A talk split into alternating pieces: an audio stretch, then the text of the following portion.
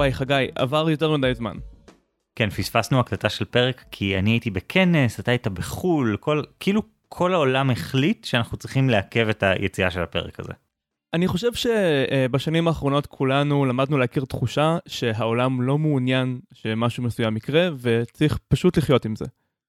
מה שכן, הכנס הזה באמת היה סיבה די חיובית לפספס דברים, כי זה היה כנס של, אה, לא יודע איך להגדיר את זה, Jewish leaders או משהו כזה מכל העולם, וזה הזכיר לי איזה תקופה אחרת בחיים שלי שהייתי הרבה יותר בתוך העולם הזה של אקטיביזם ושינוי חברתי וכל מיני דברים כאלה, שזה עולם שקצת התרחקתי ממנו, ועדיין יש לי מדי פעם כזה איסורי מצפון או, או רצון לחזור אחורה או לנסות שוב. הכנס הזה כן נתן לי מוטיבציה למצוא איך לשלב את הדבר הזה חזרה אל תוך החיים שלי אחרי שקצת התרחקתי ממנו, אבל זו תחושה מאוד משונה, כאילו להסתכל על עולם שהיה כל החיים שלך איזה עשור, ואז בעצם כמעט בן לילה זה השתנה. טוב, במקרה שלי זה קרה כשהפסקתי להיות חייל בקבע, ויש לי הרבה פחות אה, רגשות של לרצות לחזור לשם. אבל השואל שלנו השבוע, פאבל, נמצא בדיוק בנקודה כזו של פרשת דרכים. פאבל שואל, שלום אורן וחגי, אני אקדמאי שאוהב את מה שהוא חוקר ואת תהליך המחקר. זו זכות גדולה לקבל בשביל זה כסף. הדרישות הגדולות והולכות וחוסר הביטחון התעסוקתי היו קשים מההתחלה, אבל תמיד עלתה עליהם תחושת הסיפוק. גם עכשיו, זה לא שאני מרגיש שזו תחושה של מיצוי, להפך. אבל העניינים נעשו קצת יותר מורכבים. מצד אחד, אני בדרך להקים משפחה, וההוצאות שלנו צפויות לעלות, ואיתן רמות החרדה שלי כל פעם שאני רודף אחרי המלגה הבאה. מצד שני, בשנה האחרונה נראה שכל מי שמסביבי, באקדמיה ומחוץ אליה, עובר להייטק. ידוע לי שהכישורים שלי רלוונטיים לשם, בינתיים. בשנה שעברה, אחרי הרבה תשובות שליליות שקיבלתי ממלגות פוסט-דוק, כבר התחלתי לחפש עבודה מחוץ לאקדמיה. אבל בדקה ה-90 קיבלתי תשובה חיובית ממלגה שרציתי, והלכתי על זה. עכשיו אני שוב מחכה לתשובות לגבי השנה הבאה, ואני תוהה. גם אם אני אזכה במלגה, או אפילו בתקן, מאוד יכול להיות שתוך כמה שנים אני אגיע למצב שאני נתקע בלי מימון ולא מוצא תקן, או מוצא תקן אבל מגלה שהשכר לא מספיק כדי לתת לעצמי ולמשפחה שלי את רמת החיים שאני רוצה. אבל אז אני אהיה יותר מבוגר, ויהיה קשה יותר לעשות את המעבר להייטק. השאלה היא, האם לחכות לעתיד היפותטי, בו ההתקדמות שלי תיחסם לגמרי, או לעשות את המעבר עכשיו, כשאני צעיר יותר ויודע שיש לי כישורים רלוונטיים. באיזה מודל אפשר להשתמש כדי לקבל החלטה טובה? נ"ב, מזל טוב חגי על העבודה החדשה. לראות שהתחלת אותה היה טריגר לשבת ולכתוב לכם. קודם כל פאבל תודה רבה על הפירוט כמו שאמרנו אנחנו ממש אוהבים שאלות מפורטות שיש בהן הרבה מה לעבוד. אני חושב שמה שאתה מתאר זה אתגר שבאמת משפיע על המון אנשים לא רק באקדמיה אני באמת חושב שיש איזה תנועה כזאת ש, ששומעים עליה כל הזמן של אנשים שטועים האם לעשות את המעבר הזה כי יש כאילו את ה... במרכאות הארץ המובטחת של לעבוד בהייטק יש לזה המון הטבות המון דברים שבעצם משדרגים לך את רמת החיים גם בשכר גם בהטבות מסביב וכן הלאה. ומצד שני הרבה אנשים שמרגישים שזה מעבר שדורש לוותר על איזשהו חלום זה זה להתפשר באיזשהו אופן על הרבה דברים שחשובים לך בשביל משהו אחר. אז נראה לי שזו שאלה ממש מאפיינת של התקופה שבה אנחנו מקליטים. אתה יודע לפרט על הסיפור הזה של מלגות ותקנים? אני לא מכיר את העולם הזה, על מה בדיוק הוא מדבר? בעצם הרבה מהחיים האקדמיים אתה תלוי בזה שמישהו יממן אותך. עכשיו, לפעמים יש הסדרים כזה יותר קלים, נגיד מנחה שיש לו הרבה מאוד כסף והוא פשוט מממן לך מלגת מחיה שיכולה להיות אפילו טובה. אבל לרוב המנחים אין כסף כזה גדול, כלומר לשלם לדוקטורנטים או פוסט-דוקים המון המון כסף כדי שיוכלו לחיות, ואתה תלוי גם במלגות חיצוניות, מלגה שתממן לך את המחיה בצורה הרבה יותר מקיפה. המלגות האלה הגדולות הן הרבה יותר תחרותיות. עכשיו, יש פה הבדלים. פאבל, אם אני זוכר נכון, מגיע ממדעי החברה, ששם המצב של המלגות הוא קצת יותר קשוח, במדעי הטבע זה קצת יותר נגיש, יש כאילו סטנדרטים יותר גבוהים כ- כברירת מחדל, אבל באופן כללי זה חלק מהחיים האלה, אתה רודף אחרי מלגות. וזה לא נגמר האמת, כלומר גם כשאתה מקבל תקן ויש לך משכורת, חלק מהותי מהחיים שלך זה להמשיך ולרדוף אחרי מענקים. כדי לממן את המחקר שלך ואת הסטודנטים שלך, אתה חייב להגיש לכל מיני אה, משרדי מדע, קרנות, האיחוד האירופאי, כל מיני גופים כאלה שפשוט ייתנו לך כסף כדי שתוכל לעשות את העבודה שלך. זה באמת מרדף בלתי נפסק.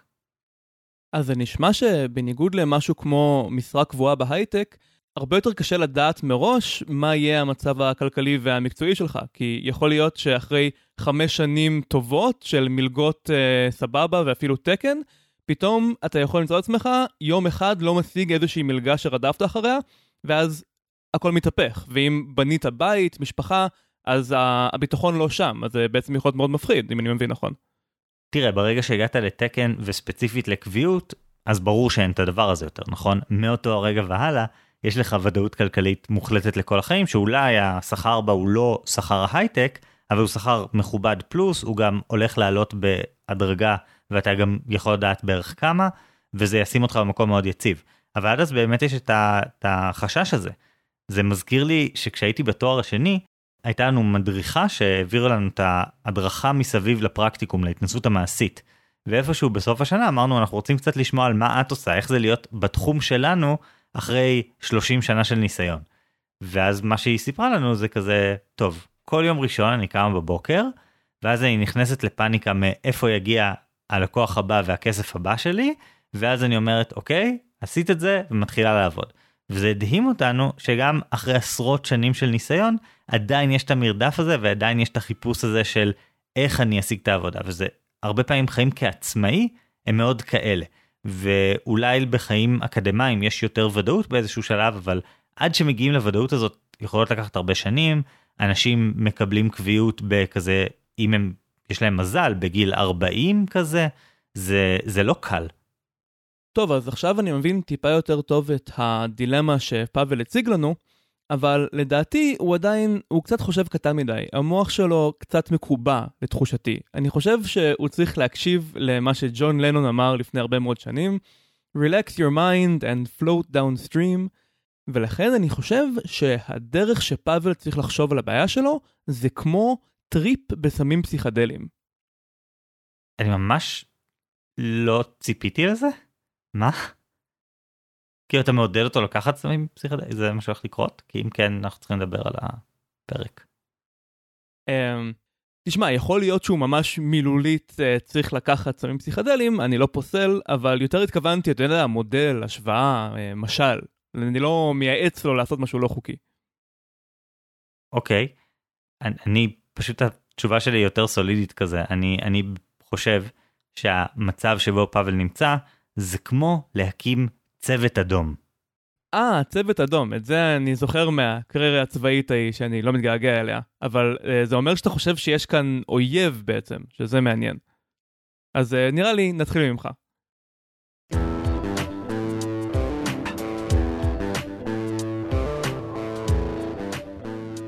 פאבל, אני רוצה לספר לך סיפור. לפני כמה שנים, בתקופה שבה עיקר העבודה שלי עדיין הייתה במרחב הפוליטי, עבדתי בקמפיין בחירות במזרח אירופה. אני באמת יכול לספר ערימה גדולה של סיפורים הזויים על הקמפיין הזה, אורן נחשף להמון מהם בזמן אמת, אבל אחד הסיפורים נראה לי רלוונטי במיוחד בהקשר הזה. הסיפור של הקזינו. המועמד שעבדנו איתו התמודד על מקום בפרלמנט שמוקצה לאזור שבו הוא גר, וזה במקביל לבחירות כלליות שהיו בכל המדינה. וכמו בכל קמפיין, עשינו סקרים כדי לזהות מה הנושאים שהכי מטרידים את התושבים באזור הזה. כי רצינו לחדד את הקמפיין בהתאם. ומה שעלה שוב ושוב, גם בסקרים וגם בקבוצות מיקוד שערכנו, אלה סוגיות שקשורות לנקרא לזה התפרקות המרחב העירוני. עוני, פשיעה, ילדים ברחובות וכל הדברים האלה. וגם, אחד הדברים הספציפיים שהרבה אנשים התמקדו בו כמעין סמל לכל הדבר הזה, היה נושא הקזינואים.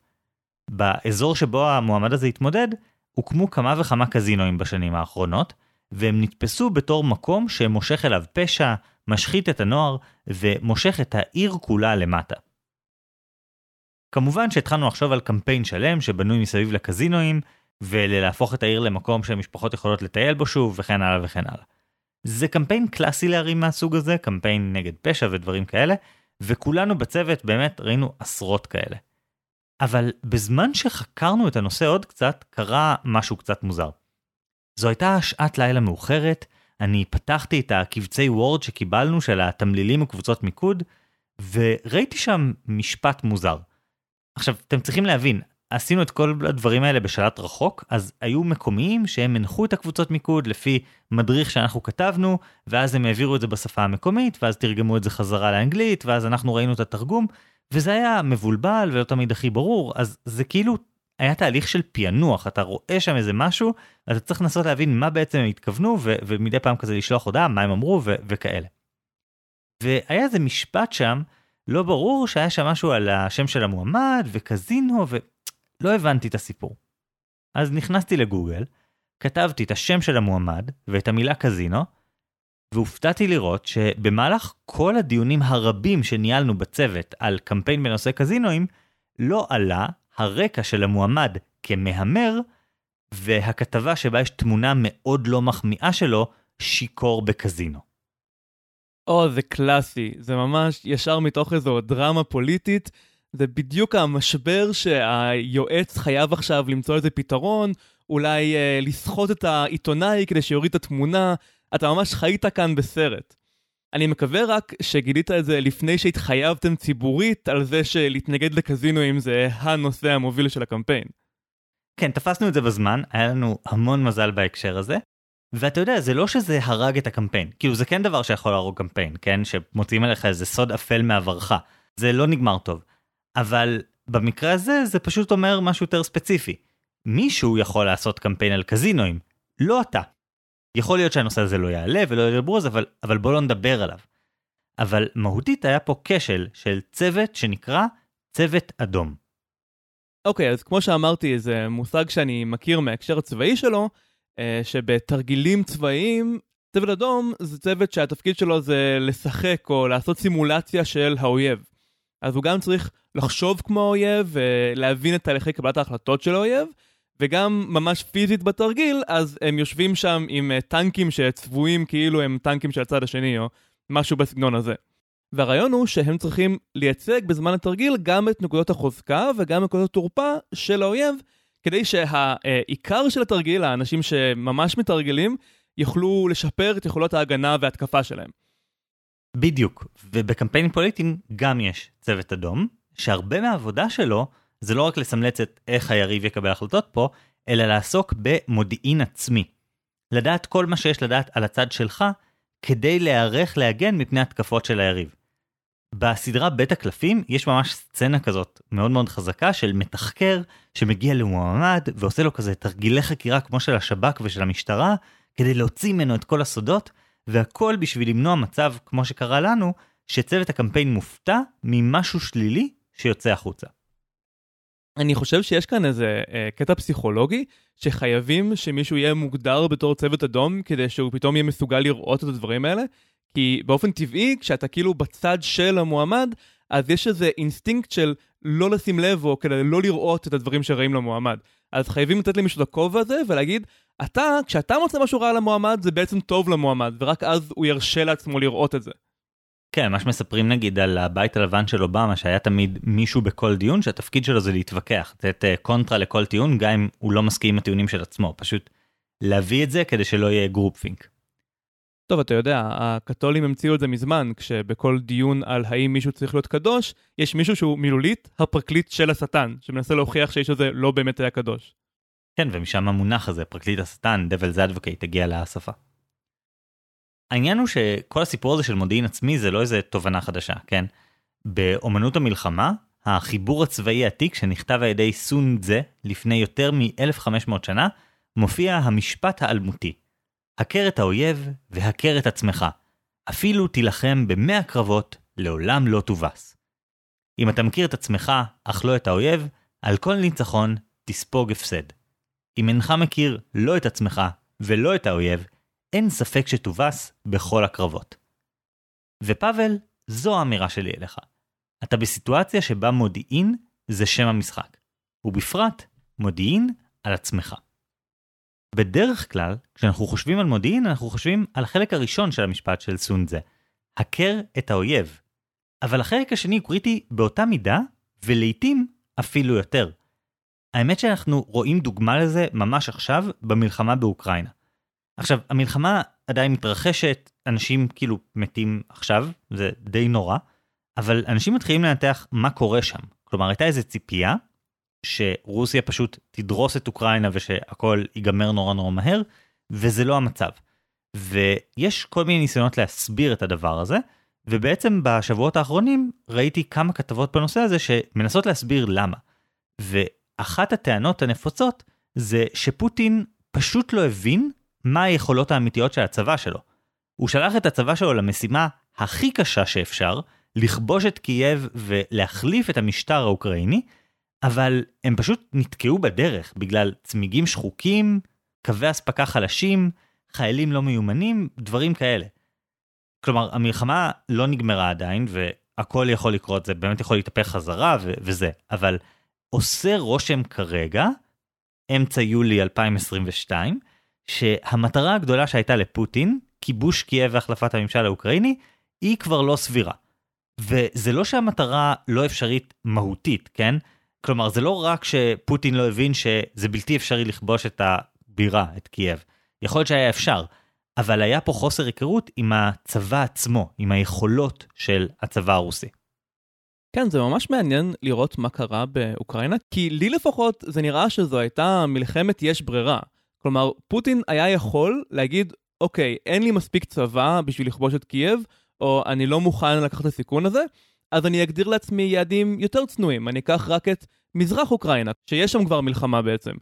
או אני רק אה, אעשה רעש ואנסה להשיג ויתורים על ידי איומים. זה לא מצב שבו אתה חייב לצאת למלחמה עם הצבא שיש לך, כי זו הגנה עצמית או מלחמת אין ברירה, אלא זה ממש נראה כאילו פוטין חי בעולם שבו הוא יכול לקחת קייב מתי שהוא רוצה. ממש מוזר. זהו, ומנסים להסביר את זה בכל מיני דרכים. אז דבר אחד זה משהו שאמרת בעצמך על העניין הזה של צוות אדום, נכון? לכולם יש נטייה לחשוב כמו המועמד ובעד המועמד, אז זה דבר שהוא הרבה יותר קיצוני אצל שליטים טוטליטריים. פוטין מוקף באנשים שעסוקים בלהתחנף ולייצג מציאות כוזבת כדי לרצות אותו. והוא לא באמת קיבל מידע על הצבא שלו, כי האנשים שלו לא היו מוכנים להתווכח איתו או להגיד לו את האמת. אפילו יש מודיעין אמריקאי שתומך בפרשנות הזאת, שהאמריקאים הדליפו אותו בכוונה כחלק מהמלחמה התודעתית שיש פה מסביב למלחמה. אבל זה לא רק אצל פוטין, כן? זה ממש נפוץ אצל שליטים טוטליטריים. כל השנים האחרונות של מלחמת העולם השנייה התאפיינו בזה שהיטלר המשיך להאמין שהצבא שלו מסוגל לנצח כנגד כל הסיכויים, אף אחד או ממש מעטים התווכחו איתו, ובסוף פשוט לא נשאר לו צבא. אה כן, יש את המם הזה של היטלר מתעצבן, אז זה מתוך סרט על הימים האחרונים של המלחמה, שזה בעצם הרגע שבו היטלר סופית חייב להתמודד עם זה שפשוט אין לו יותר חיילים. והוא מבין שלא משנה כמה הוא יצעק על הגנרלים שלו, הם לא יכולים לייצר לו צבא שלא קיים.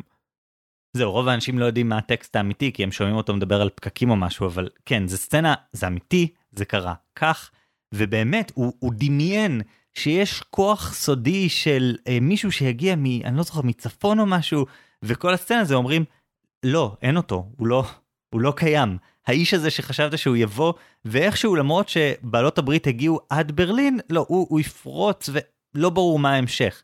אבל היה באמת חוסר נכונות וחוסר יכולת להגיד לו את האמת, וזה ממש נפוץ מסביב לדיקטטורים, זה חלק מהאתגר שהם צריכים להתמודד איתו, כלומר אין להם מידע אמיתי על העולם. אבל יש גם הסברים על העניין הזה שאומרים זה לא רק העניין הזה, זה לא ספציפית פוטין, אלא זה כולם. כלומר, גם ארצות הברית, אם היא תצא למלחמה מהסוג הזה, היא תגלה שהיא לא מסוגלת לנהל מלחמה מהסוג הזה. היא לא מסוגלת לנהל מלחמה שבה מפעילים כוחות בקנה מידה של אוגדות גייסות או ארמיות, כלומר צבאות עצומים של מאות אלפי אנשים או מיליוני אנשים.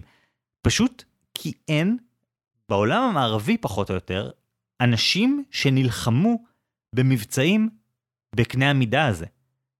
יש מאמר מדהים שמדבר על זה שהיו קרבות במלחמת העולם הראשונה והשנייה, קרבות בודדים שנהרגו בהם כזה עשרות אלפי אנשים, ואפילו יותר, והיום אין יכולת להתמודד עם הדבר הזה, אף אחד לא יודע איך זה נראה. הצבא האמריקאי לא יודע מה זה שמופלים עשרות ומאות מטוסים, הוא לא יודע מה הדבר הזה קורה כי זה לא קרה עשרות שנים, כי עוד מעט אנחנו נגיע כבר למאה שנה. ובעצם, מה שקרה לפוטין זה שהוא ניסה להפעיל צבא בקנה מידה הזה, וזה לא עבד. ובצד השני, זה כן עבד. בצד השני, אוקראינה הייתה צריכה להפעיל צבא באופן שיותר תואם את האופרציות שהם באמת עשו בעבר. אז גם צבא ארצות הברית יכול להיות לא היה מסוגל לכבוש את קייב בתנאים האלה. טוב, גם הצבא האוקראיני נלחם בהגנה עצמית, והוא נלחם מלחמת אין ברירה, וגם בסוף הצבא האוקראיני רק מנסה לשמור את המצב הקיים, שאוקראינה היא עצמאית ולא חלק מרוסיה, שזו משימה יותר צנועה מאשר לעשות שינוי קיצוני בסטטוס קוו ולספח את אוקראינה לרוסיה או משהו כזה. אז בדיעבד אפשר לומר שזה לא כל כך מפתיע שהצד עם המטרות היותר פשוטות ומציאותיות הוא גם הצד שיותר קרוב ללהשיג אותם. אבל אם נסתכל רגע על פאבל, בין אם פאבל רוצה להצליח באקדמיה, להגיע לקביעות או לאיזה שהם הישגים, מלגות uh, חשובות ורווחיות, ובין אם הוא רוצה באמצע החיים לעשות הסבה להייטק ולהגיע למשרה מאוד uh, מצליחה ומעניינת ועם משכורת גבוהה שם, כך או כך, הוא יצטרך להגיע להישג uh, גדול. כלומר, שתי המטרות האלה דורשות צבא חזק ו- וטוב, ודורשות, כמו שאתה אומר, שפאבל יכיר את עצמו ויכיר את האויב, נכון? העניין הוא שיש פה באמת שאלה של הסתברות. אפריורית, בלי לדעת כלום על פאבל, ובלי לדעת שהוא כבר סיים דוקטורט וזה, בוא ניקח בן אדם בתחילת תואר ראשון, בוא נקצין, שרוצה להיות פרופסור באקדמיה. אפריורית אנחנו יודעים שהסיכויים שלו מאוד מאוד מאוד נמוכים לזה. באמת, אני לא יכול להעריך בדיוק כמה, אבל הם בכאילו אזור ה-1 ל-1000 או 1 לכמה מאות, נשמע לי מאוד מאוד מאוד סביר. אבל תיקח את אותו סטודנט לתואר ראשון ותשאל מה הסיכוי שלו להשיג עבודה טובה בהייטק, והסיכויים משתפרים דרמטית, נכון? כלומר, בלי לדעת כלום על כלום, אחד מהיעדים הוא יותר ניתן להשגה מאשר היעד השני. כן, זה כנראה נכון. אני לא מכיר הרבה אנשים שניסו להיכנס להייטק ולגמרי לא מצאו שום דבר. אוקיי, אז אנחנו כבר מבינים שיש פה מצבים מעט שונים. ואז השאלה היא, מה הצבא במרכאות של פאבל מסוגל להשיג ומה הוא לא מסוגל להשיג. וכאן הסיפור זה שפאבל צריך לעשות הערכה כנה ומציאותית של היכולות וסיכויי ההצלחה האישיים שלו. האמת, אה, זה מזכיר קצת את פרק 17 שלנו, על אה, לפרוש מהלימודים ולהקים סטארט-אפ, נכון? אה, אני אמרתי שם שלחשוב שאתה אדם מיוחד ורב יכולות, שמסוגל לפרוש באמצע התואר הראשון ולשנות את העולם מאיזשהו סטארט-אפ, זה כמו לחשוב שכדור הארץ זה במרכז היקום. ואני יצאתי אז לשואל אה, לאמץ את העיקרון הקופרניקי. כלומר, להניח כאקסיומה שהוא אדם טיפוסי. כלומר, אם הוא רואה משהו שכמעט כל מי שמסביבו מתאפיין בו, אז כנראה שהוא גם כזה. אז בעיקרון אני גם הסכמתי איתך שרוב הסיכויים שהוא אדם רגיל שלא צריך לפרוש, היה לי מודל קצת אחר, אבל בוא לא ניכנס לזה, כי אני דווקא רוצה לקפוץ בדיוק מה שאמרת. כי בניגוד לשואל שלנו מפרק 17, פאבל לא נמצא באותו מקום, הוא לא נמצא במצב כזה בתחילת הדרך שאין לו נתונים שמאפשרים לו להסיק האם הוא מיוחד, או מה הסיכויים שלו להצליח. הוא לא הבן אדם שבהכרח יש לו סיכוי גבוה להצליח בהייטק וסיכוי יותר נמוך להצליח באקדמיה. פאבל כבר סיים דוקטורט. זה אומר שיש לו המון מידע.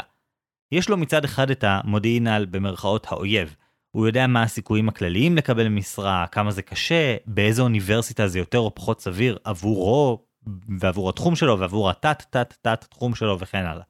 אבל בניגוד לשואל מאז, הוא לא צריך להפעיל את ההנחה שהוא כמו כולם, כי יש לו המון מודיעין גם על עצמו. דיברנו קצת על איך עובדות מלגות בעולם האקדמי, אבל אחד הדברים הכי בולטים שיש איתן, זה שהן עובדות כמו כדור שלג. בדרך כלל, אם קיבלת מלגה, זה מגדיל את הסיכוי שתקבל עוד מלגה. יש לזה הרבה סיבות מאוד מובנות, נכון? יש ועדה שצריכה להחליט למי לתת מלגות. אם היא רואה שקיבלת 6 מלגות קודם, אז היא אומרת, שישה גורמים שונים כבר חתמו על הבן אדם הזה. זה בן אדם יותר בטוח. לתת לו את המלגה זה לחתום על מישהו ש, שאני לא אהיה מוזר בזה שהעברתי אותו. ואותו הדבר יקרה גם עם ועדות קבלה שיבדקו האם תתקבל לתקן באוניברסיטה. הם יסתכלו על התיק, וככל שהם יראו שיותר אנשים בעבר חתמו עליך, כך יהיה להם יותר קל לעשות את הצעד הזה. ואתה, פאבל, יודע משהו שאנחנו לא יודעים. אתה יודע את הנתונים האלה על עצמך. אתה יכול להשוות מה מצבך בזירה. האם אתה מהאנשים שצעדו עם מלא מלא מלגות לאורך כל הדרך, או שזה היה לך יותר קשה. סיפרת על זה שלא קיבלת כמה מלגות אה, פוסט-דוק, אבל זה לא מיוחד, זה דבר מאוד מאוד נפוץ. לאורן ולי יש אה, חברה משותפת, שכשהיא הייתה בשלב דומה בקריירה, אני זוכר שמה שהיא עשתה זה קבעה יעד לעצמה של כמה שיותר מכתבי סירוב באותה שנה. וזה עזר לה בסוף לקבל את המלגה שהיא באמת רצתה, כי היא פשוט אמרה, אני הולכת לקבל מלא סירובים וזה לא הולך להרתיע אותי בשום צורה.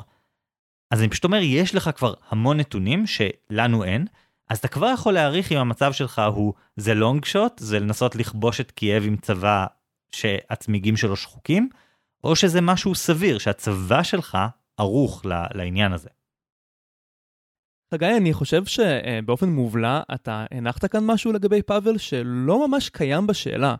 כלומר, אתה מדבר כאילו הוא היה רוצה להיות סופרסטאר אקדמאי, והשאלה היא רק האם הוא מסוגל.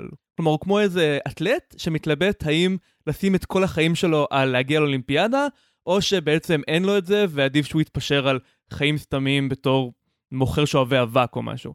אבל זה לא בדיוק מה שפאבל אמר.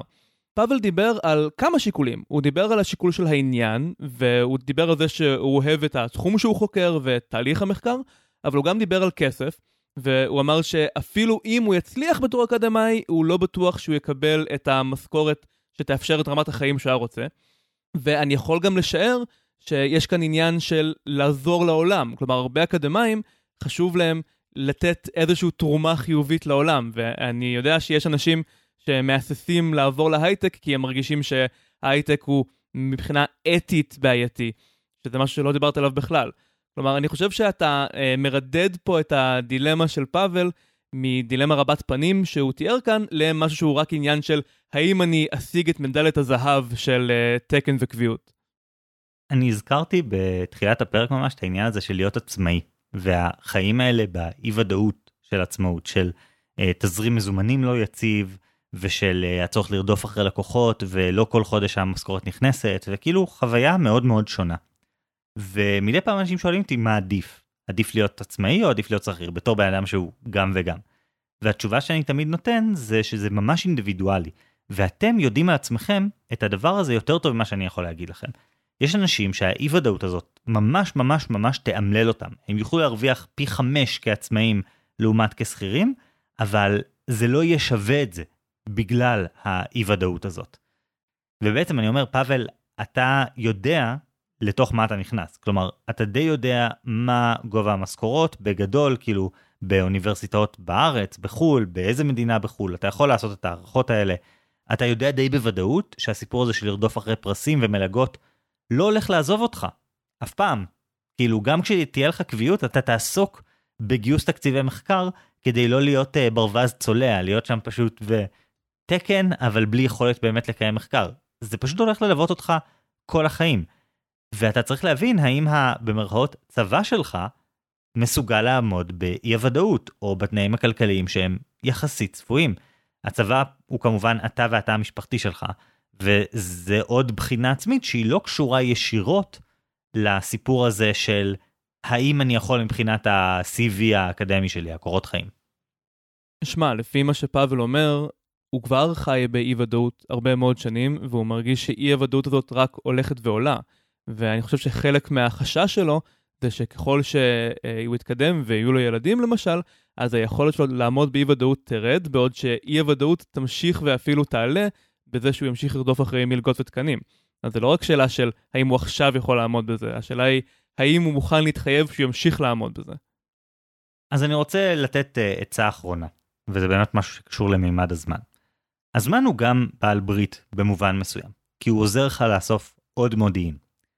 אם היית שולח לנו את השאלה הזאת עוד חמש שנים, היית מתאר שאתה כבר חמש שנים, או לא יודע, שבע שנים, בחיפושי אה, מלגות פוסט-דוק, לא מצאת תקן ודברים כאלה, הייתי נותן לך כנראה תשובה אחרת. הייתי אומר שנראה שיותר קשה, יש לך נתונים שמצביעים על זה שהסיכויים שלך קטנים.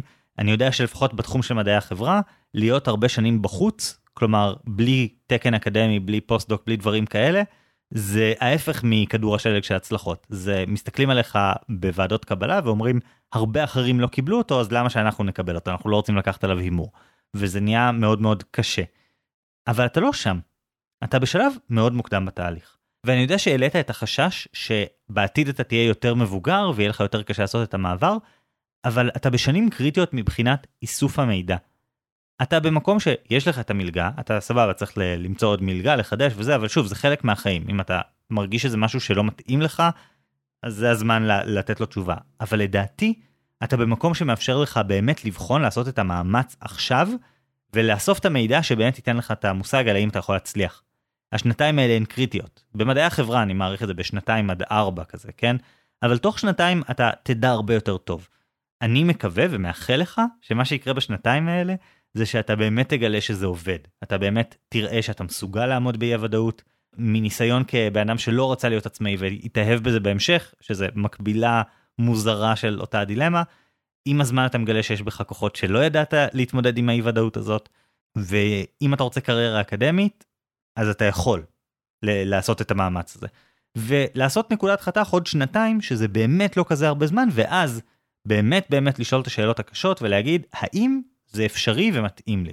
עכשיו אתה בנקודה שאולי טיפה יותר מדי מוקדם, אבל בעתיד יהיה לך הרבה יותר מידע.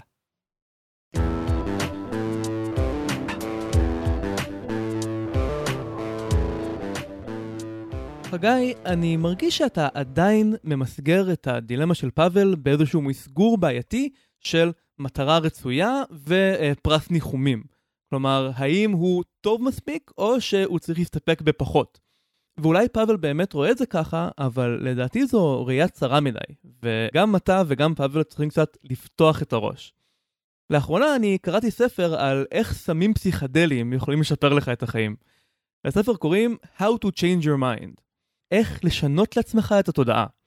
עכשיו, אני שמעתי בעבר על הפוטנציאל של סמים כאלה לטיפול בהפרעות נפשיות, כמו PTSD או סקיצופרניה, אבל הספר הזה הוא לא על סמים פסיכדליים בתור תרופה, הוא על סמים כאלה בתור חוויה רוחנית שממוססת את המחסום בין האני לבין העולם, מראה לנו את אלוהים ומביאה אותנו לתובנות עמוקות לגבי הקיום. לא כל ספר על LSD יהיה ספר על חוויה רוחנית שממוססת את המחסום בין האני לבין העולם מראה לנו את אלוהים ומביאה אותנו לתובנות עמוקות לגבי הקיום? טוב, אני מבין שאתה כבר מדמיין לעצמך בראש איך הספר הזה נראה, ושכתב אותו איזה רוחניק עם רסטות שחי באבן ומקשיב לגרייטפול דד, אבל זה לא ממש המצב. אה, הכותב של הספר, מייקל פולן, אז קודם כל אין לו רסטות, הוא קרח, והוא לא איזה מישהו מהפרינג', למעשה הוא פרופסור של עיתונאות סביבתית. והרקע שלו הוא 20 שנה של ספרים על המדע שמאחורי האוכל. אבל בגיל 63 הוא החליט לנסות להבין איך זה מרגיש לקחת LSD או פטריות הזיה, פסילוסיבין, ולמה כל כך הרבה אנשים אומרים שזה שינה להם את החיים. בשבילי, באופן אישי, אני מרגיש שזה בדיוק סוג הבן אדם שיכול לשכנע אותי שיש משהו בדיבורים האלה. בתחילת הספר הוא אומר שהוא לא בטוח מה זה בכלל חוויה רוחנית, והוא די בטוח שמעולם לא הייתה לו כזאת. וזו אמירה שאני יכול להזדהות איתה. אז החלטתי שאני מוכן לנצל איתו למסע הזה. ובאמת הספר נפתח בהוכחות מחקריות לחשיבות הרוחנית של LSD. מייקל פולן מצטט מחקר שבו קבוצה של נבדקים עברו טריפ מפוקח, ואז ענו על, על שאלון לגבי המשמעות הרוחנית של החוויה, ורובם דירגו את החוויה בתור אחת החוויות הרוחניות החשובות בחיים שלי, וטענו שמאז הם רואים את העולם לגמרי אחרת. חלקם אמרו שהם ראו את אלוהים, או קיבלו הצצה לאמת המוחלטת של היקום. ומה שעוד יותר מפתיע זה שכששאלו אותם שוב, כעבור כמה חודשים, הם עדיין אמרו את זה. כלומר, הם עדיין אמרו שזו הייתה חוויה סופר חשובה להם. היה גם מחקר שבו נתנו לקבוצה של חולים סופניים LSD, והם העידו שהטריפ עזר להם להשלים עם זה שהם עומדים למות. אני יודע שאמרת שזה מודל, אז אני מנסה להבין איך העצה היא לא, וואי, תקשיב, LSD, זה יפתור לך את הבעיה. אוקיי, אוקיי, אז בואו נחזור רגע לפאבל. אז פאבל, כמו שאמרתי, לדעתי, התפיסה שלך מצומצמת מדי. אתה השקעת הרבה מחשבה וזמן בניתוח של המציאות שלך, בלהבין את האופציה שלך, שזה כמובן דבר טוב, אבל זה גם משהו שמקבע אותך, אפילו מעוור אותך, במובן מסוים. חלקים מסוימים במוח שלך הפכו לרדומים, וחלקים אחרים הם פעילים מדי. וזה מתחבר לחוויות רוחניות האלה ב-LSD. אנחנו כולנו פה אנשים מטריאליסטים, אנשים רציונליים, אז אנחנו יכולים להסכים שאין לזה משהו על-טבעי בתוך החומר עצמו. אם קורה משהו מיוחד בזמן טריפ, זה משהו שכבר היה קיים בתוך המוח שלנו. והחומר הזה רק הדליק או כיבה אותו. ואני חושב שגם אתה, פאבל, יכול קצת לאזן את החלקים במוח שלך שכבויים ומודלקים, וזה עשוי לעזור לך למצוא פתרון טוב יותר לדילמה הזאת. כלומר, אתה מנסה להגיד לפאבל שיש לו פה דיכוטומיה שקרית. כלומר, הוא מסתכל על העולם שלו בתור או הייטקס או אקדמיה, אבל יכול להיות שיש שאלה יותר מורכבת? יש אופציה שלישית? או רביעית או חמישית? כן, אני חושב שפאבל נמצא באיזשהו קיצון של הסקאלה, שבו הוא, הוא רואה את העולם בצורה הכי מנותחת והכי אנליטית, והוא צריך לזוז יותר לכיוון ה-LSDE של הסקאלה הזאת. זו סקאלה שאפשר לקרוא לה בהרבה שמות, אה, חשיבה פתוחה לעומת סגורה, או חשיבה של ילד לעומת חשיבה של מבוגר. האמת, יש ניסוח אחד של העניין הזה שממש אהבתי, בהקשר ממש אחר. בספר משחקי הכס של ג'ורג' אר מרטין, יש סצנה בספר הזה שבו אה, מורה לסייף מסביר לתלמידה שלו איך מנצחים בקרב חרבות. והוא אומר שהסוד הוא פשוט לראות עם העיניים. כמו שהוא אומר, הלב משקר, הראש ממציא לעצמו תרגילים, אבל העיניים רואות אמת. ולדעתי, בתור ילדים, אנחנו הרבה יותר רואים עם העיניים. יש לנו פחות הנחות מקדימות לגבי העולם. אז כשאנחנו נתקלים בסיטואציה חדשה, אין לנו ברירה אלא לקבל אותה כפי שהיא מוצגת לנו. זה שם אותנו בעמדה חלשה ופגיעה, כי אנחנו לא יודעים למה לצפות. וחלק גדול מההתבגרות שלנו הוא להבין איך העולם בדרך כלל מתנהג, ולפתח את היכולת לנבא מה עומד לקרות ומה סביר שיהיו ההשלכות של המעשים שלנו. אבל זה בדיוק אומר שאנחנו מפסיקים לראות עם העיניים. אנחנו מפתחים את היכולת של המוח שלנו להיות מכונת ניבוי, וחיים רוב הזמן לא במציאות, אלא בתוך מודלים, בניחושים על העתיד או ניתוחים על העבר, לא בתוך הרגע הנוכחי. ועוד יותר חשוב, אנחנו מפתחים פילטרים. אנחנו כבר לא חווים את ההווה בתור שטף של חוויות חושיות, אלא אנחנו מתעלמים מרוב הקלט החושי, וחווים את ההווה על ידי מודלים. כלומר, אנחנו שמים לב רק לפרטים שאנחנו חושבים שהם חשובים בשביל היכולת ניבוי שלנו, ולא את כל מה שקורה סביבנו. טוב, אנחנו ממש נכנסנו לדבר הזה לעומק בפרק 0.5 אה, שלנו של הפודקאסט, של, אה, שנקרא עיניים חדשות, למה אנחנו משווים דברים.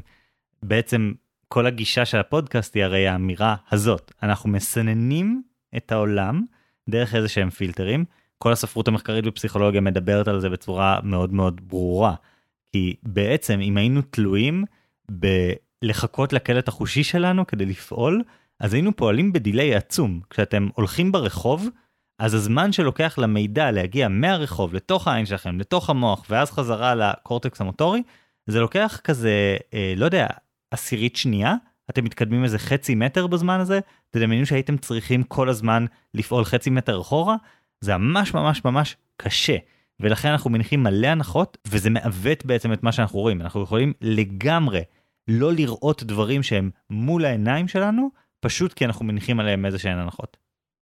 בדיוק, וכאן LSD או סלוסייבין, פתרונות הזיה, יכולים לעזור. להזיז אותנו לסקאלה הזאת ולאפשר לנו לראות שוב עם העיניים.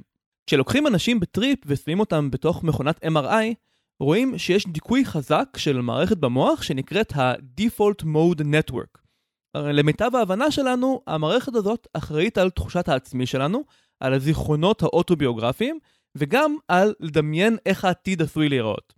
כשהמערכת הזו מדוכאת, אנחנו מאבדים במידה מסוימת את היכולת לחיות בתוך מודלים, וחוזרים לראות את המציאות באופן ישיר. עכשיו, ברור שאי אפשר להיות במקום הזה כל הזמן. כמו שאמרת, חגי, אנחנו חייבים את המוח המנבא אפילו בשביל ללכת ברחוב, בשביל uh, לדעת מה הולך לקרות עוד חצי שנייה. אבל מצד שני, אני כן חושב שזה חיוני להיכנס למצב הזה מדי פעם. לפתוח מחדש את הראש ולוודא שלא פספסנו משהו קריטי בפילטרים האלה. אם תסלח לי רגע על uh, מודל בתוך מודל, יש מטאפורה שמשתמשים בה מלא בתחום של למידת מכונה ו-AI, כי היא ממחישה את האתגרים של למצוא פתרונות מיטביים בעולם מורכב. תדמיין את עצמך בנוף הררי, כשהמטרה שלך היא להגיע לפסגה הכי גבוהה במפה. אבל תדמיין שיש ערפל כבד, כך שאתה יכול לראות רק כמה מטרים בכל כיוון. איך אפשר להתקדם? איך אפשר למצוא את הפסגה? הדרך הפשוטה היא ללכת לכיוון בתוך הכמה מטרים האלה שבה אתה רואה את העלייה הכי תלולה. ובאמת אפשר להבטיח שככה תוכל להגיע לאיזושהי פסגה. איזשהו מקום שממנו כל כיוון הוא ירידה. אבל הבעיה היא שאין לך שום דרך לדעת אם זו הפסגה הכי גבוהה או סתם מקסימום מקומי. ואחד הפתרונות הכי אפקטיביים לבעיה הזו היא שאחרי שמצאת כזו פסגה, איזשהו מקסימום מקומי, תרשום לעצמך לאיזה גובה הגעת, ואז תתחיל מחדש ממקום אקראי לחלוטין על המפה. ואם תחזור לשיטה הזו כמה פעמים, תקפוץ למקום אקראי, ואז תטפס כמה גבוה שאתה יכול למצוא. זה מעלה בהמון את הסיכוי שבאמת תמצא את הפסגה שהיא הכי גבוהה בכל המפה. עכשיו נכון, זו עבודה קשה, ונכון שכדאי מאוד שכמעט כל הצעדים יהיו לכיוון למעלה ולא צעדים אקראיים, כי אחרת אתה סתם משוטט באקראי, אבל זה חיוני שיהיו כמה קפיצות אקראיות כאלה. ובהקשר של LSD, אנחנו רואים משהו שהוא מאוד דומה. אנשים עושים טריפ אפילו אחד בחיים, או אחד בכמה שנים, והם מגיעים לתובנות חשובות. הם לא סתם עוברים איזשהו טריפ שבו הם רואים דברים הזויים וזה הכל נונסנס. הם מגלים מה שנראה להם כמו עובדות חיוניות על החיים של עצמם, וזה נשאר איתם אחרי זה.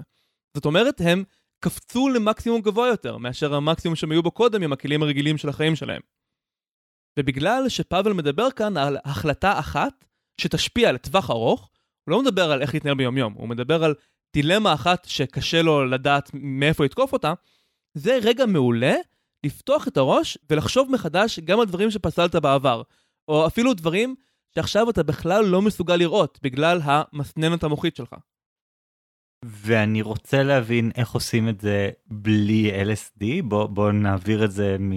בוא נדגיש את המודליות של המודל ולא רק את העצה שאפשר אולי להסיק פה, כי אני ממש לא רוצה לעמוד מאחורי העצה הזאת. כן, וכמו שאמרתי, אני לא מייעץ לפאבל לקחת LSD, גם בספר הזה, How to Change Your Mind, הכותב מאוד מדגיש את החשיבות של סביבה נכונה והכוונה נכונה, וכשהוא עשה LSD זה היה עם איזשהו מדריך מאוד מנוסה, שאמר לו, שנתן לו מה שנקרא flight instructions. כלומר, אמר לו בדיוק איך לחשוב על החוויה, וגם אחרי זה ישב איתו במשך שעות ופירק איתו את החוויה, כדי לעזור לו להבין מה המשמעות של כל הדברים. אז אם אין לך גישה לכל זה, אני אה, לא יודע אם הטריפ LSD באמת יהיה מועיל, אבל לא חייבים להרחיק לכת עד לשם. אפשר להתחיל עם משהו הרבה יותר פשוט. תעצור רגע ותאתגר את המודלים שלך. תעשה ניסיון מודע לראות את העולם שאתה נמצא בו עם העיניים ולא עם המוח המנבא. ואיפה שאני הייתי מתחיל, פאבל, זה עם מה אתה באמת רוצה. ואם תבין מה המטרות האמיתיות שלך, אז אולי תוכל לחשוב מחדש על מה הדרכים השונות להגיע לשם. אתה רמזת על כמה מטרות בשאלה שלך, אבל זה הכל היה מתוך הנחת יסוד שהפתרונות האפשריים הם רק אקדמיה או הייטק. אז בואו ננסה להבין, מה אתה רוצה? אתה רוצה עבודה מעניינת בתחום עניין מרתק? יש, יש הרבה כאלה, זה לא רק באקדמיה. יש אפילו כמה עבודות מעניינות שאפשר גם להרוויח בהן כסף. אני למשל עובד בתפקיד שהוא מאוד מעניין בעיניי, ולא הייתי צריך להתפשר במשכורת בשביל זה. ואם אתה בן אדם מוכשר, יש מקומות שישלמו לך היטב כדי שתפצח חידות שהן גם חשובות וגם מרתקות. אני יודע שהרבה אקדמאים נניח מוצאים את עצמם במכוני מחקר, זה דבר שהוא קיים, כלומר זה לא אקדמיה אבל אתה חוקר כדי ישירות לשנות את העולם בתחום שמעניין אותך. בצוותים שאני עובד בהם יש המון חוקרים, אנחנו עושים ממש מחקרים בשטח, זה כמובן חיים כעצמאי וכל הדברים האלה, אבל אנחנו עושים מחקרים סופר מעניינים, כאילו איך לצמצם תאונות עבודה בישראל, אנחנו משתמשים בכל הכלים של מחקר התנהגותי על בעיה כזאת. זה סופר מעניין וזה גם מתחבר ל... אם זה חשוב לך, כן? עשיית טוב לפעמים. כן, יש לי חבר שעובד בלפתח שיטות אלגוריתמיות להשקעה חכמה בבורסה, שזה נראה לי דוגמה ממש למה שאנשים חושבים עליו בתור תפקיד בהייטק שמרוויחים בו כסף אבל הוא משמים ונוראי. אבל הוא לא מרגיש ככה בכלל. הוא סיפר לי שהחוויה שלו שם היא שזה כמו אקדמיה, רק בלי התהליך הנוראי של להגיש מאמרים לז'ורנלים ולקבל פידבק מכל מיני אנשים אנונימיים. כלומר, הוא רק עושה את החלק המעניין של להוכיח שמשהו עובד, ואז הוא פשוט מממש את זה ומרוויח מזה כסף. אז בשבילו זה כיף חיים, וכמובן שהמשכורת uh, בסדר גמור. או אולי, כמו שאמרת חגי, מה שבאמת חשוב לפאבל זה לעזור לעולם. וכאן אני חושב שבאמת הוא מקובע מדי, כי דיברנו על זה בעבר, אה, ממש לפני שני פרקים, בפרק 54, שלעבוד ישירות במשהו שהוא מועיל לעולם, זו לא תמיד הדרך הכי טובה להועיל לעולם. יכול מאוד להיות שהדרך לעזור היא להרוויח כסף ואז לתרום אותו למישהו שהוא הרבה יותר מקצוען ממך ושהוא ידע מה לעשות עם הכסף הזה. אם אתה מנסה להועיל למשהו שקשור למדעי החברה באיזשהו תחום, אז uh, אתה יכול ללכת להייטק, ואז לתרום לעמותה שהיא לא רק עושה מחקר, אלא ממש ישירות עוזרת לאנשים. יכול להיות שזה ישיג את המטרות שלך הרבה יותר טוב, ויעלה לך את רמת החיים. ואני חושב שאם תחשוב בצורה הזאת, תגלה שיש עוד כמה אופציות שלא נתת להן מספיק משקל, או אפילו לא ראית אותן בכלל. למשל, אתה יכול ללכת לעבודה שהיא לא אקדמיה ולא הייטק, משהו שהוא פחות דורשני, איזשהו תפקיד שהוא יחסית מעט שעות, ושהוא מוריד ממך עומס קוגניטיבי, שאותו אתה יכול להפנות למשהו שנותן לך סיפוק אמיתי. עוד אפשרות, משרה חלקית בתעשייה, בשילוב עם מחקר או לימוד באוניברסיטה.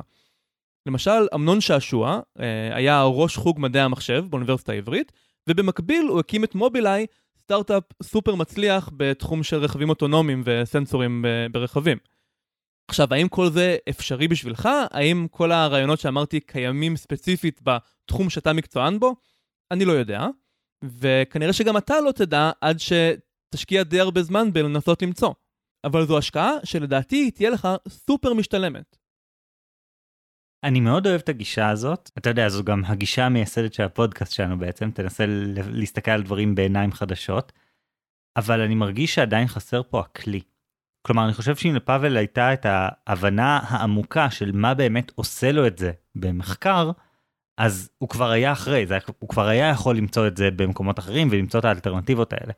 ומלבד העצה שאנחנו לא מציעים, של, לא יודע, לקחת LSD, ואני לא חושב שהיא באמת תתרום שם, יכול להיות שהיא תיתן לו תובנות על מערכות יחסים ועל מה, מה הוא אוהב וכל מיני כאלה, אבל לא בהכרח על מה הדבר בעבודה שעושה לי הכי טוב, שזה כזה איזה נישה מאוד ספציפית בתוך החיים ובתוך מה שחשוב לנו.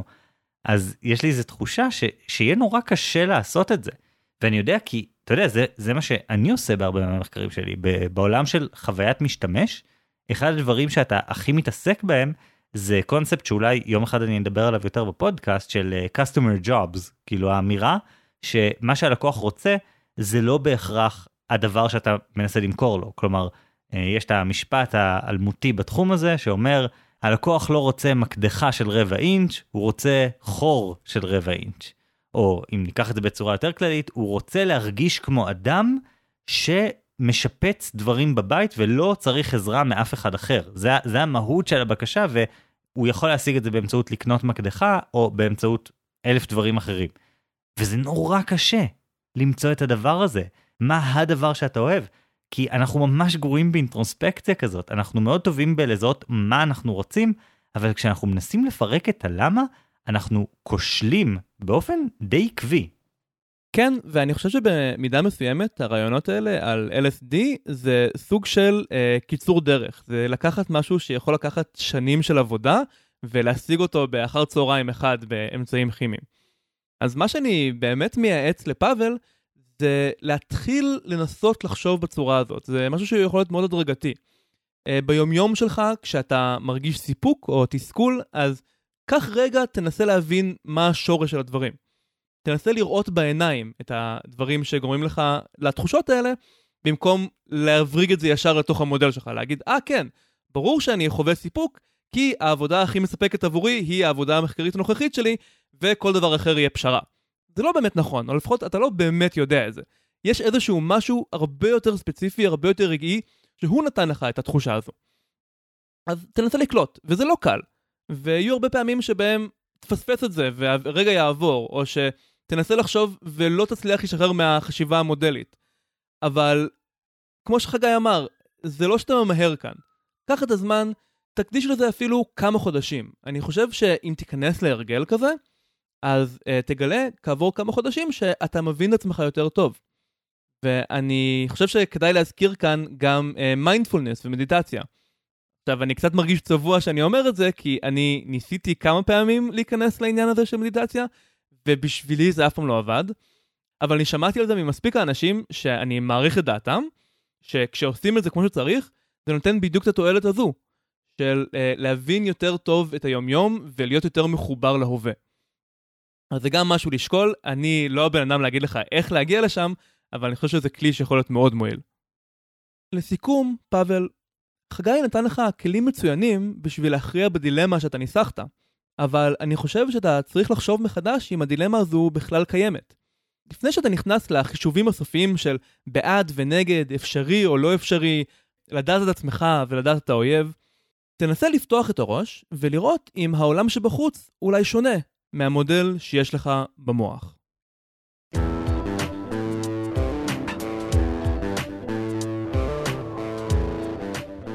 אורן, ברור שאני אוהב את המודל שלך. זה כל כך ברור שאני אוהב אותו, כי הוא מתעסק בדברים שהכי מעניינים אותי בעולם. גם במה שאנחנו עושים בפודקאסט הזה, הניסיון לשבור את המודלים הרגילים ולחפש מודלים חדשים, זה גם מתחבר לתיאוריה שאני אה, מאוד אוהב, שהזכרתי בפרק 21 שלנו, לומר אמת לחברים זה כמו שוקולד, המטאפורה של Neural Annealing, שזה מטאפורה שמתחברת למה שאמרת במודל בתוך מודל שלך, על השיטות הסטטיסטיות ל- למצוא את הפסגה הכי גבוהה. כל הדברים האלה מתחברים, וברור שאני אוהב את זה. אני פשוט חושב שהעבודה של לפרק את המודלים היא עבודה מאוד מאוד קשה. יש פתרון שאנחנו מנסים להציע פה. לא לנסות לפרק ו- ולראות מאפס על סמך במרכאות נתוני האמת מה, מה אני יכול לגלות, שזה קצת מה שנשמע ש-LSD עושה, אלא להציע מודלים אחרים, ואז באמצעות המודלים האחרים לראות האם אני מקבל תשובה שונה. זה משהו אחד שאני חושב שהיה עוזר ליישם את העצה שלך, וזה קצת חסר פה. אז אני מרגיש שאומנם אתה נוגע בדבר ממש ממש ממש חשוב, אבל זה קצת נופל על הפרקטיקה. וחגי, אני גם חייב להגיד שאני מאוד אוהב את המודל שלך, אנחנו בפרגון הדדי על מלא. אני באמת חושב שאם אנחנו מקבלים את המסגור של פאבל, אז אתה יצאת גישה סופר פרקטית וסופר נכונה להגיע לתשובה שהוא מחפש. אבל אני חושב שפאבל פשוט לא נמצא בשלב שהוא חושב שהוא נמצא בו. הוא חושב שהוא נמצא בשלב שבו הוא הבין מה עומד מולו, ועכשיו הוא צריך איזשהו מודל שיאפשר לו uh, לדעת אם הוא צריך להכריע לצד האקדמאי או להכריע לצד ההייטקי. ואני מודד אותו לחזור אחורה, ולדעתי uh, הוא בכלל לא בשלב הזה. הוא עדיין בשלב של איסוף נתונים וכל מיני חומר גלם, שאחרי זה הוא יוכל לבנות מהם מודל. וזה הכוח של LSD וזה הכוח של לנסות לחיות בתוך הרגע. בסופו של דבר, כמו ששנינו אמרנו, אנחנו כן נצטרך לחזור לחיות בתוך מודלים. אנחנו כן נצטרך לחזור למוח המנבא ולזרוק את רוב האינפוטים החושיים לפח. אבל חשוב מאוד מדי פעם להיפתח בחזרה, כי כל עוד אתה בתוך מודל מסוים, אתה לא יודע מה אתה מפספס. ואני חושב שמה שדיברתי כאן הוא איזשהו רעיון מלווה חשוב לרעיון הזה של לבחור את המודל הנכון, שזה איך אתה מגיע למצב התחלתי שמתוכו יש לך בכלל תפריט של מודלים. בקיצור, יש לנו פה דילמה מאוד מאוד חדה, ומי שיכריע, כמו שחיכיתם הרבה מאוד זמן שיקרה שוב, זה לא אנחנו, אלא אתם המאזינים. נכון, כמיטב המסורת, בעוד יומיים אנחנו נעלה סקר ריאקשנס לפייסבוק, שבו אתם תוכלו להגיד לנו מי יותר שכנע אתכם ומי יותר עזר לפאבל. חגי והצוות האדום, או אורן והסמים הפסיכדליים. חוץ מזה, כמו תמיד, אנחנו uh, מבקשים מכם להצטרף אלינו לעמוד הפייסבוק שלנו, להצטרף לקבוצת הפייסבוק שלנו, חובה להשוות, שם תוכלו uh, להגיב ולפתח דיונים על הפרק. וכמובן, הכי חשוב, תשלחו לנו עוד שאלות. שאלות מפורטות ומלאות בשר כמו זו שפאבל שלח לנו, עוזרות לנו לייצר פרקים שהרבה יותר מותאמים למאפיינים הספציפיים של הבעיה שלכם. עד אז, אני אורן ברנשטיין. אני חגי אלקיים שלם. ונתראה בפעם הבאה עם השוואות חדשות.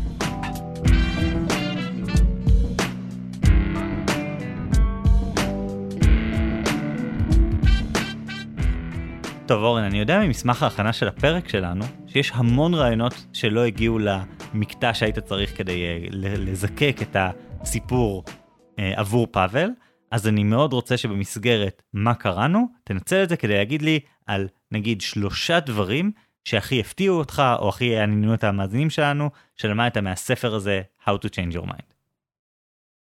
בשמחה. אז לספר קוראים How to Change Your Mind של מייקל פולן, ובאמת הרבה זמן לא קראתי ספר שכל כך השפיע עליי. כלומר, הוא לא רק על סמים פסיכדליים, במידה רבה הוא על משמעות החיים ועל איך לחיות. וחוץ מכל הדברים שדיברתי עליהם, שזה uh, קצת על איך LSD משפיע על המוח ואיך הוא יכול לעזור לנו, יש גם מלא פרטים סופר מרתקים על ההיסטוריה של LSD. זה הומצא על ידי uh, חברת תרופות בשוויץ. Uh, יש סיפור מפורסם על זה שהבן אדם שהמציא את ה-LSD, אלברט הופמן, רצה לבדוק מה זה עושה, אז הוא לקח מה שהוא חשב שהוא אה, מינון ממש ממש ממש קטן, אבל הסתבר להיות מינון די רציני, כי LSD הוא סופר חזק, ומנה של LSD נמדדת במיקרוגרמים, ואז הוא ניסה לחזור הביתה באופניים, ועבר את הטריפ הראשון בהיסטוריה, ועד היום חוגגים את זה כל שנה בתור יום האופניים. אה, יותר מאוחר ה-CIA ניסו להשתמש בזה בתור uh, סתם אמת, או אולי לתת את זה למנהיגי האויב כדי שהם יביכו את עצמם. המייסד של אלכוהוליסטים אנונימיים השתמש ב-LSD, והוא חשב שזה יכול להיות חלק קריטי בלעזור לאנשים להיגמל מאלכוהול, אבל שאר הארגון אמר לו שזה uh, not a good look, שארגון שמנסה לעזור לך להשתחרר מסם אחד, ממליץ לך על סם אחר, אז uh, השתיקו את ההיסטוריה הזאת, והיום uh, אף אחד לא יגיד לך באלכוהוליסטים אנונימיים שזה נכון. פשוט סיפור מרתק. Uh, זה uh, חלק חשוב בייסוד של סיליקון וואלי, כי הרבה מהדמויות המייסדות של ההייטק בקליפורניה uh, אהבו LSD. סטיב ג'ובס אמר ש-LSD היה קריטי ברעיונות של אפל, והוא אמר שאולי אם ביל גייטס היה לוקח LSD אז Windows לא היה כזה מכוער. ביל גייטס בתגובה, כן לקחתי LSD. Uh, פשוט באמת סיפור מדהים. גם, uh, גם עד היום אגב בהייטק יש, uh, בזמן האחרון יש טרנד של מה שנקרא micro-dosing. שזה אומר כל כמה ימים לקחת עשירית מנה של LSD, שעד כמה שאפשר להוכיח זה לא עושה שום דבר, זה לא מספיק כדי לגרום לטריפ, אבל המאמינים בעניין הזה מאמינים שזה משפר את יצירתיות, אה, משפר את היכולת אה, לחשוב בגדול, וזה קצת אנקדוטלי בינתיים, אבל אה, לא מן הנמנע שזה נכון, זה משהו שמנסים לחקור עכשיו. ועוד נקודה אחרונה, אני מצטער שאני משתפך, פשוט באמת ספר מרתק. יש סיבות טובות לחשוב שחוויות דתיות, חוויות של נביאים, חוויות של נזירים שיושבים על פסגת הר ורואים את אלוהים, שזו מהותית מבחינת המוח אותה חוויה כמו טריפ LSD. כלומר, הדבר הזה שנקרא חוויה רוחנית, שלא יודע, נביאים שייסדו דתות חוו אותו, ושאנשים עובדים במשך שנים של תפילה והסתגפות כדי להגיע אליו, זה בדיוק אותה חוויה כמו LSD, פשוט עם מסגור תרבותי אחר. וזה מה שהתכוונתי כשאמרתי שמה שקורה עם הסם הזה זה משהו שהיה קיים לנו בתוך המוח. זאת אומרת שזה לא הדרך היחידה להגיע אליו. יש גם שיטות של נשימה, נקרא holotropic breathwork, שאיכשהו אתה נושם פחות, וזה מוריד את החמצן במוח, וזה גם יכול לכבות את ה-default mode network בצורה דומה, ולהביא אותך ל-state of mind דומה. וחלק מהגורואים של LSD אומרים שהדרך לחזור לחוויה, אחרי שלקחת את זה פעם אחת, עשית טריפ מלא, זה על ידי מדיטציה, אתה יכול בעצם לשחזר את המקום שהיית בו ולחוות את זה שוב בצורה שהיא מרוככת, וזה עוזר לך לשמר את התובנות שקיבלת. בקיצור, ספר מרתק, נושא מרתק. אה, לצערי הרב, עד היום לא יצא לי אה, לחוות בעצמי את החוויה הזאת. אם אתם מאזינים ממשטרת ישראל, אז אה, אין לי שום כוונה גם אה, להגיע למקום הזה. אבל uh, כבר מלקרוא אני מרגיש שזה ממש פתח לי את הראש. כאילו באמת ספר שהייתי מגדיר אותו כחשוב. אז אני אגיד כמה דברים, כי אני גם התחלתי את הספר, אבל לא התקדמתי כדי שלאורן אה, יהיה יתרון עליי במסגרת הפרק. אני חושב שאחד הדברים המדהימים בו, זה בעצם שרואים את החוויה הזאת של מלא מדענים מסוגים שונים, מדעני מוח, פסיכולוגים וכאלה, מתמודדים עם, אני, אני לא יודע איך להסביר את זה, עם, עם קיומה של חוויה סובייקטיבית כמשהו שבאמת צריך לעסוק בו, כאילו עם זה שאנשים לוקחים אה, LSD או פטריות, ואז גם שנים אחר כך הם מתארים את זה בתור אחת החוויות שהכי השפיעו להם על החיים, ואז פתאום אתה חייב להתמודד עם זה. אתה לא יכול להגיד, יש דברים שאנחנו לא מתייחסים אליהם, אלא פתאום יש משהו ש, שחייבים לתת לו תשובה. וזה באמת תחום מחקר סופר מרתק, שגם לאט לאט מתחיל לקבל יותר אה, אישורי מחקר ודברים כאלה. וכמו שאורן אמר בתחילת הפרק, יש לו המון פוטנציאל לטיפול במחלות נפש מאוד מאוד קשות. ואני באמת מקווה שהמחקר הזה יתקדם שם. אני חושב אבל עדיין שעצם זה שאומרים זו יכולה להיות אחת החוויות המשמעותיות בחיים שלך, זה משהו מלחיץ. כלומר, אנחנו יודעים שזו יכולה להיות חוויה לא טובה, אז מה קורה אם אחת החוויות הכי משמעותיות בחיים שלך היא לא טובה. אז זה נושא סופר מעניין, ואני ממש ממליץ על הספר הזה גם בהקשר של פשוט להבין איך המוח שלנו עובד ואיזה הפתעות אנחנו יכולים לקבל במחקר הזה, שבו לפעמים אנחנו מרגישים שאנחנו מבינים משהו, ואז איזה משהו שפשוט היה קיים שם באמת אלפי שנים, הוא פשוט יכול להפוך לנו את כל ההבנה. היי, כאן חגי, בזמן העריכה של הפרק, שמתי לב שממש בזמן שהקלטנו, יצאה בנטפליקס הסדרה How to Change Your Mind, שמבוססת בעצם על הספר. אז יכול להיות שזה גם פתח לצלול לתוך העולם הזה ולהכיר את העבודה של מייקל פולן ואיך שהוא נכנס לכל התחום הזה של סמים פסיכדליים ומשני תודעה. אז תנסו ותגידו לנו מה אתם חושבים. אגב, אני קורא עכשיו ספר קודם של אותו כותב. כמו שאמרתי, הוא כתב הרבה על אה, מדע מאחורי האוכל. אז אני קורא ספר בשם The Omnivore's Dilemma, שזה בגדול על מאיפה מגיע האוכל שלנו, או ליתר דיוק מאיפה מגיע האוכל של האמריקאים, כי יש שם הרבה מאוד דיון על תירס. אמ, אבל הוא מספר על מאחורי הקלעים של תעשיית המזון התעשייתית, תעשיית המזון האורגני, ועד כמה התרחקנו מאיך שדברים עובדים בטבע. וזה סופר סופר מרתק, אני לא אכנס לזה עכשיו, כי אני עוד שומר את זה לפרק עתידי אולי, אבל ספר מומלץ גם. טוב, אני אפסיק לחפור. אה, מה איתך חגי? מה אתה קראת? אז אני קראתי דברים שנראה לי הזכרתי בפודקאסט בעבר. אני באמת עשיתי סיבוב ארוך עד שהגעתי למודל הספציפי הזה. אה, התחלתי מכמה כתבות שאני אשים עליהם קישור בהערות הפרק על מה קורה עם פוטין, כאילו מה, מה קרה שם. עכשיו חלקן הן כזה כתבות חדשותיות, נגיד על זה שארצות הברית הדליפה מודיעין על זה שהיועצים של פוטין שיקרו לו וכל מיני כאלה, והתייחסתי לזה. אני חושב שהכתבה היותר מעניינת זה הכתבה באתר שנקרא War on the Rocks. אז יש שם כתבה של דוקטור דיוויד ג'ונסון שהוא קולונל בצבא ארצות הברית בעברו, והוא בעצם מסביר על כל העניין הזה שהתייחסתי אליו בפרק של האם בעצם הצבאות המערביים מוכנים למלחמה בקנה מידה גדול.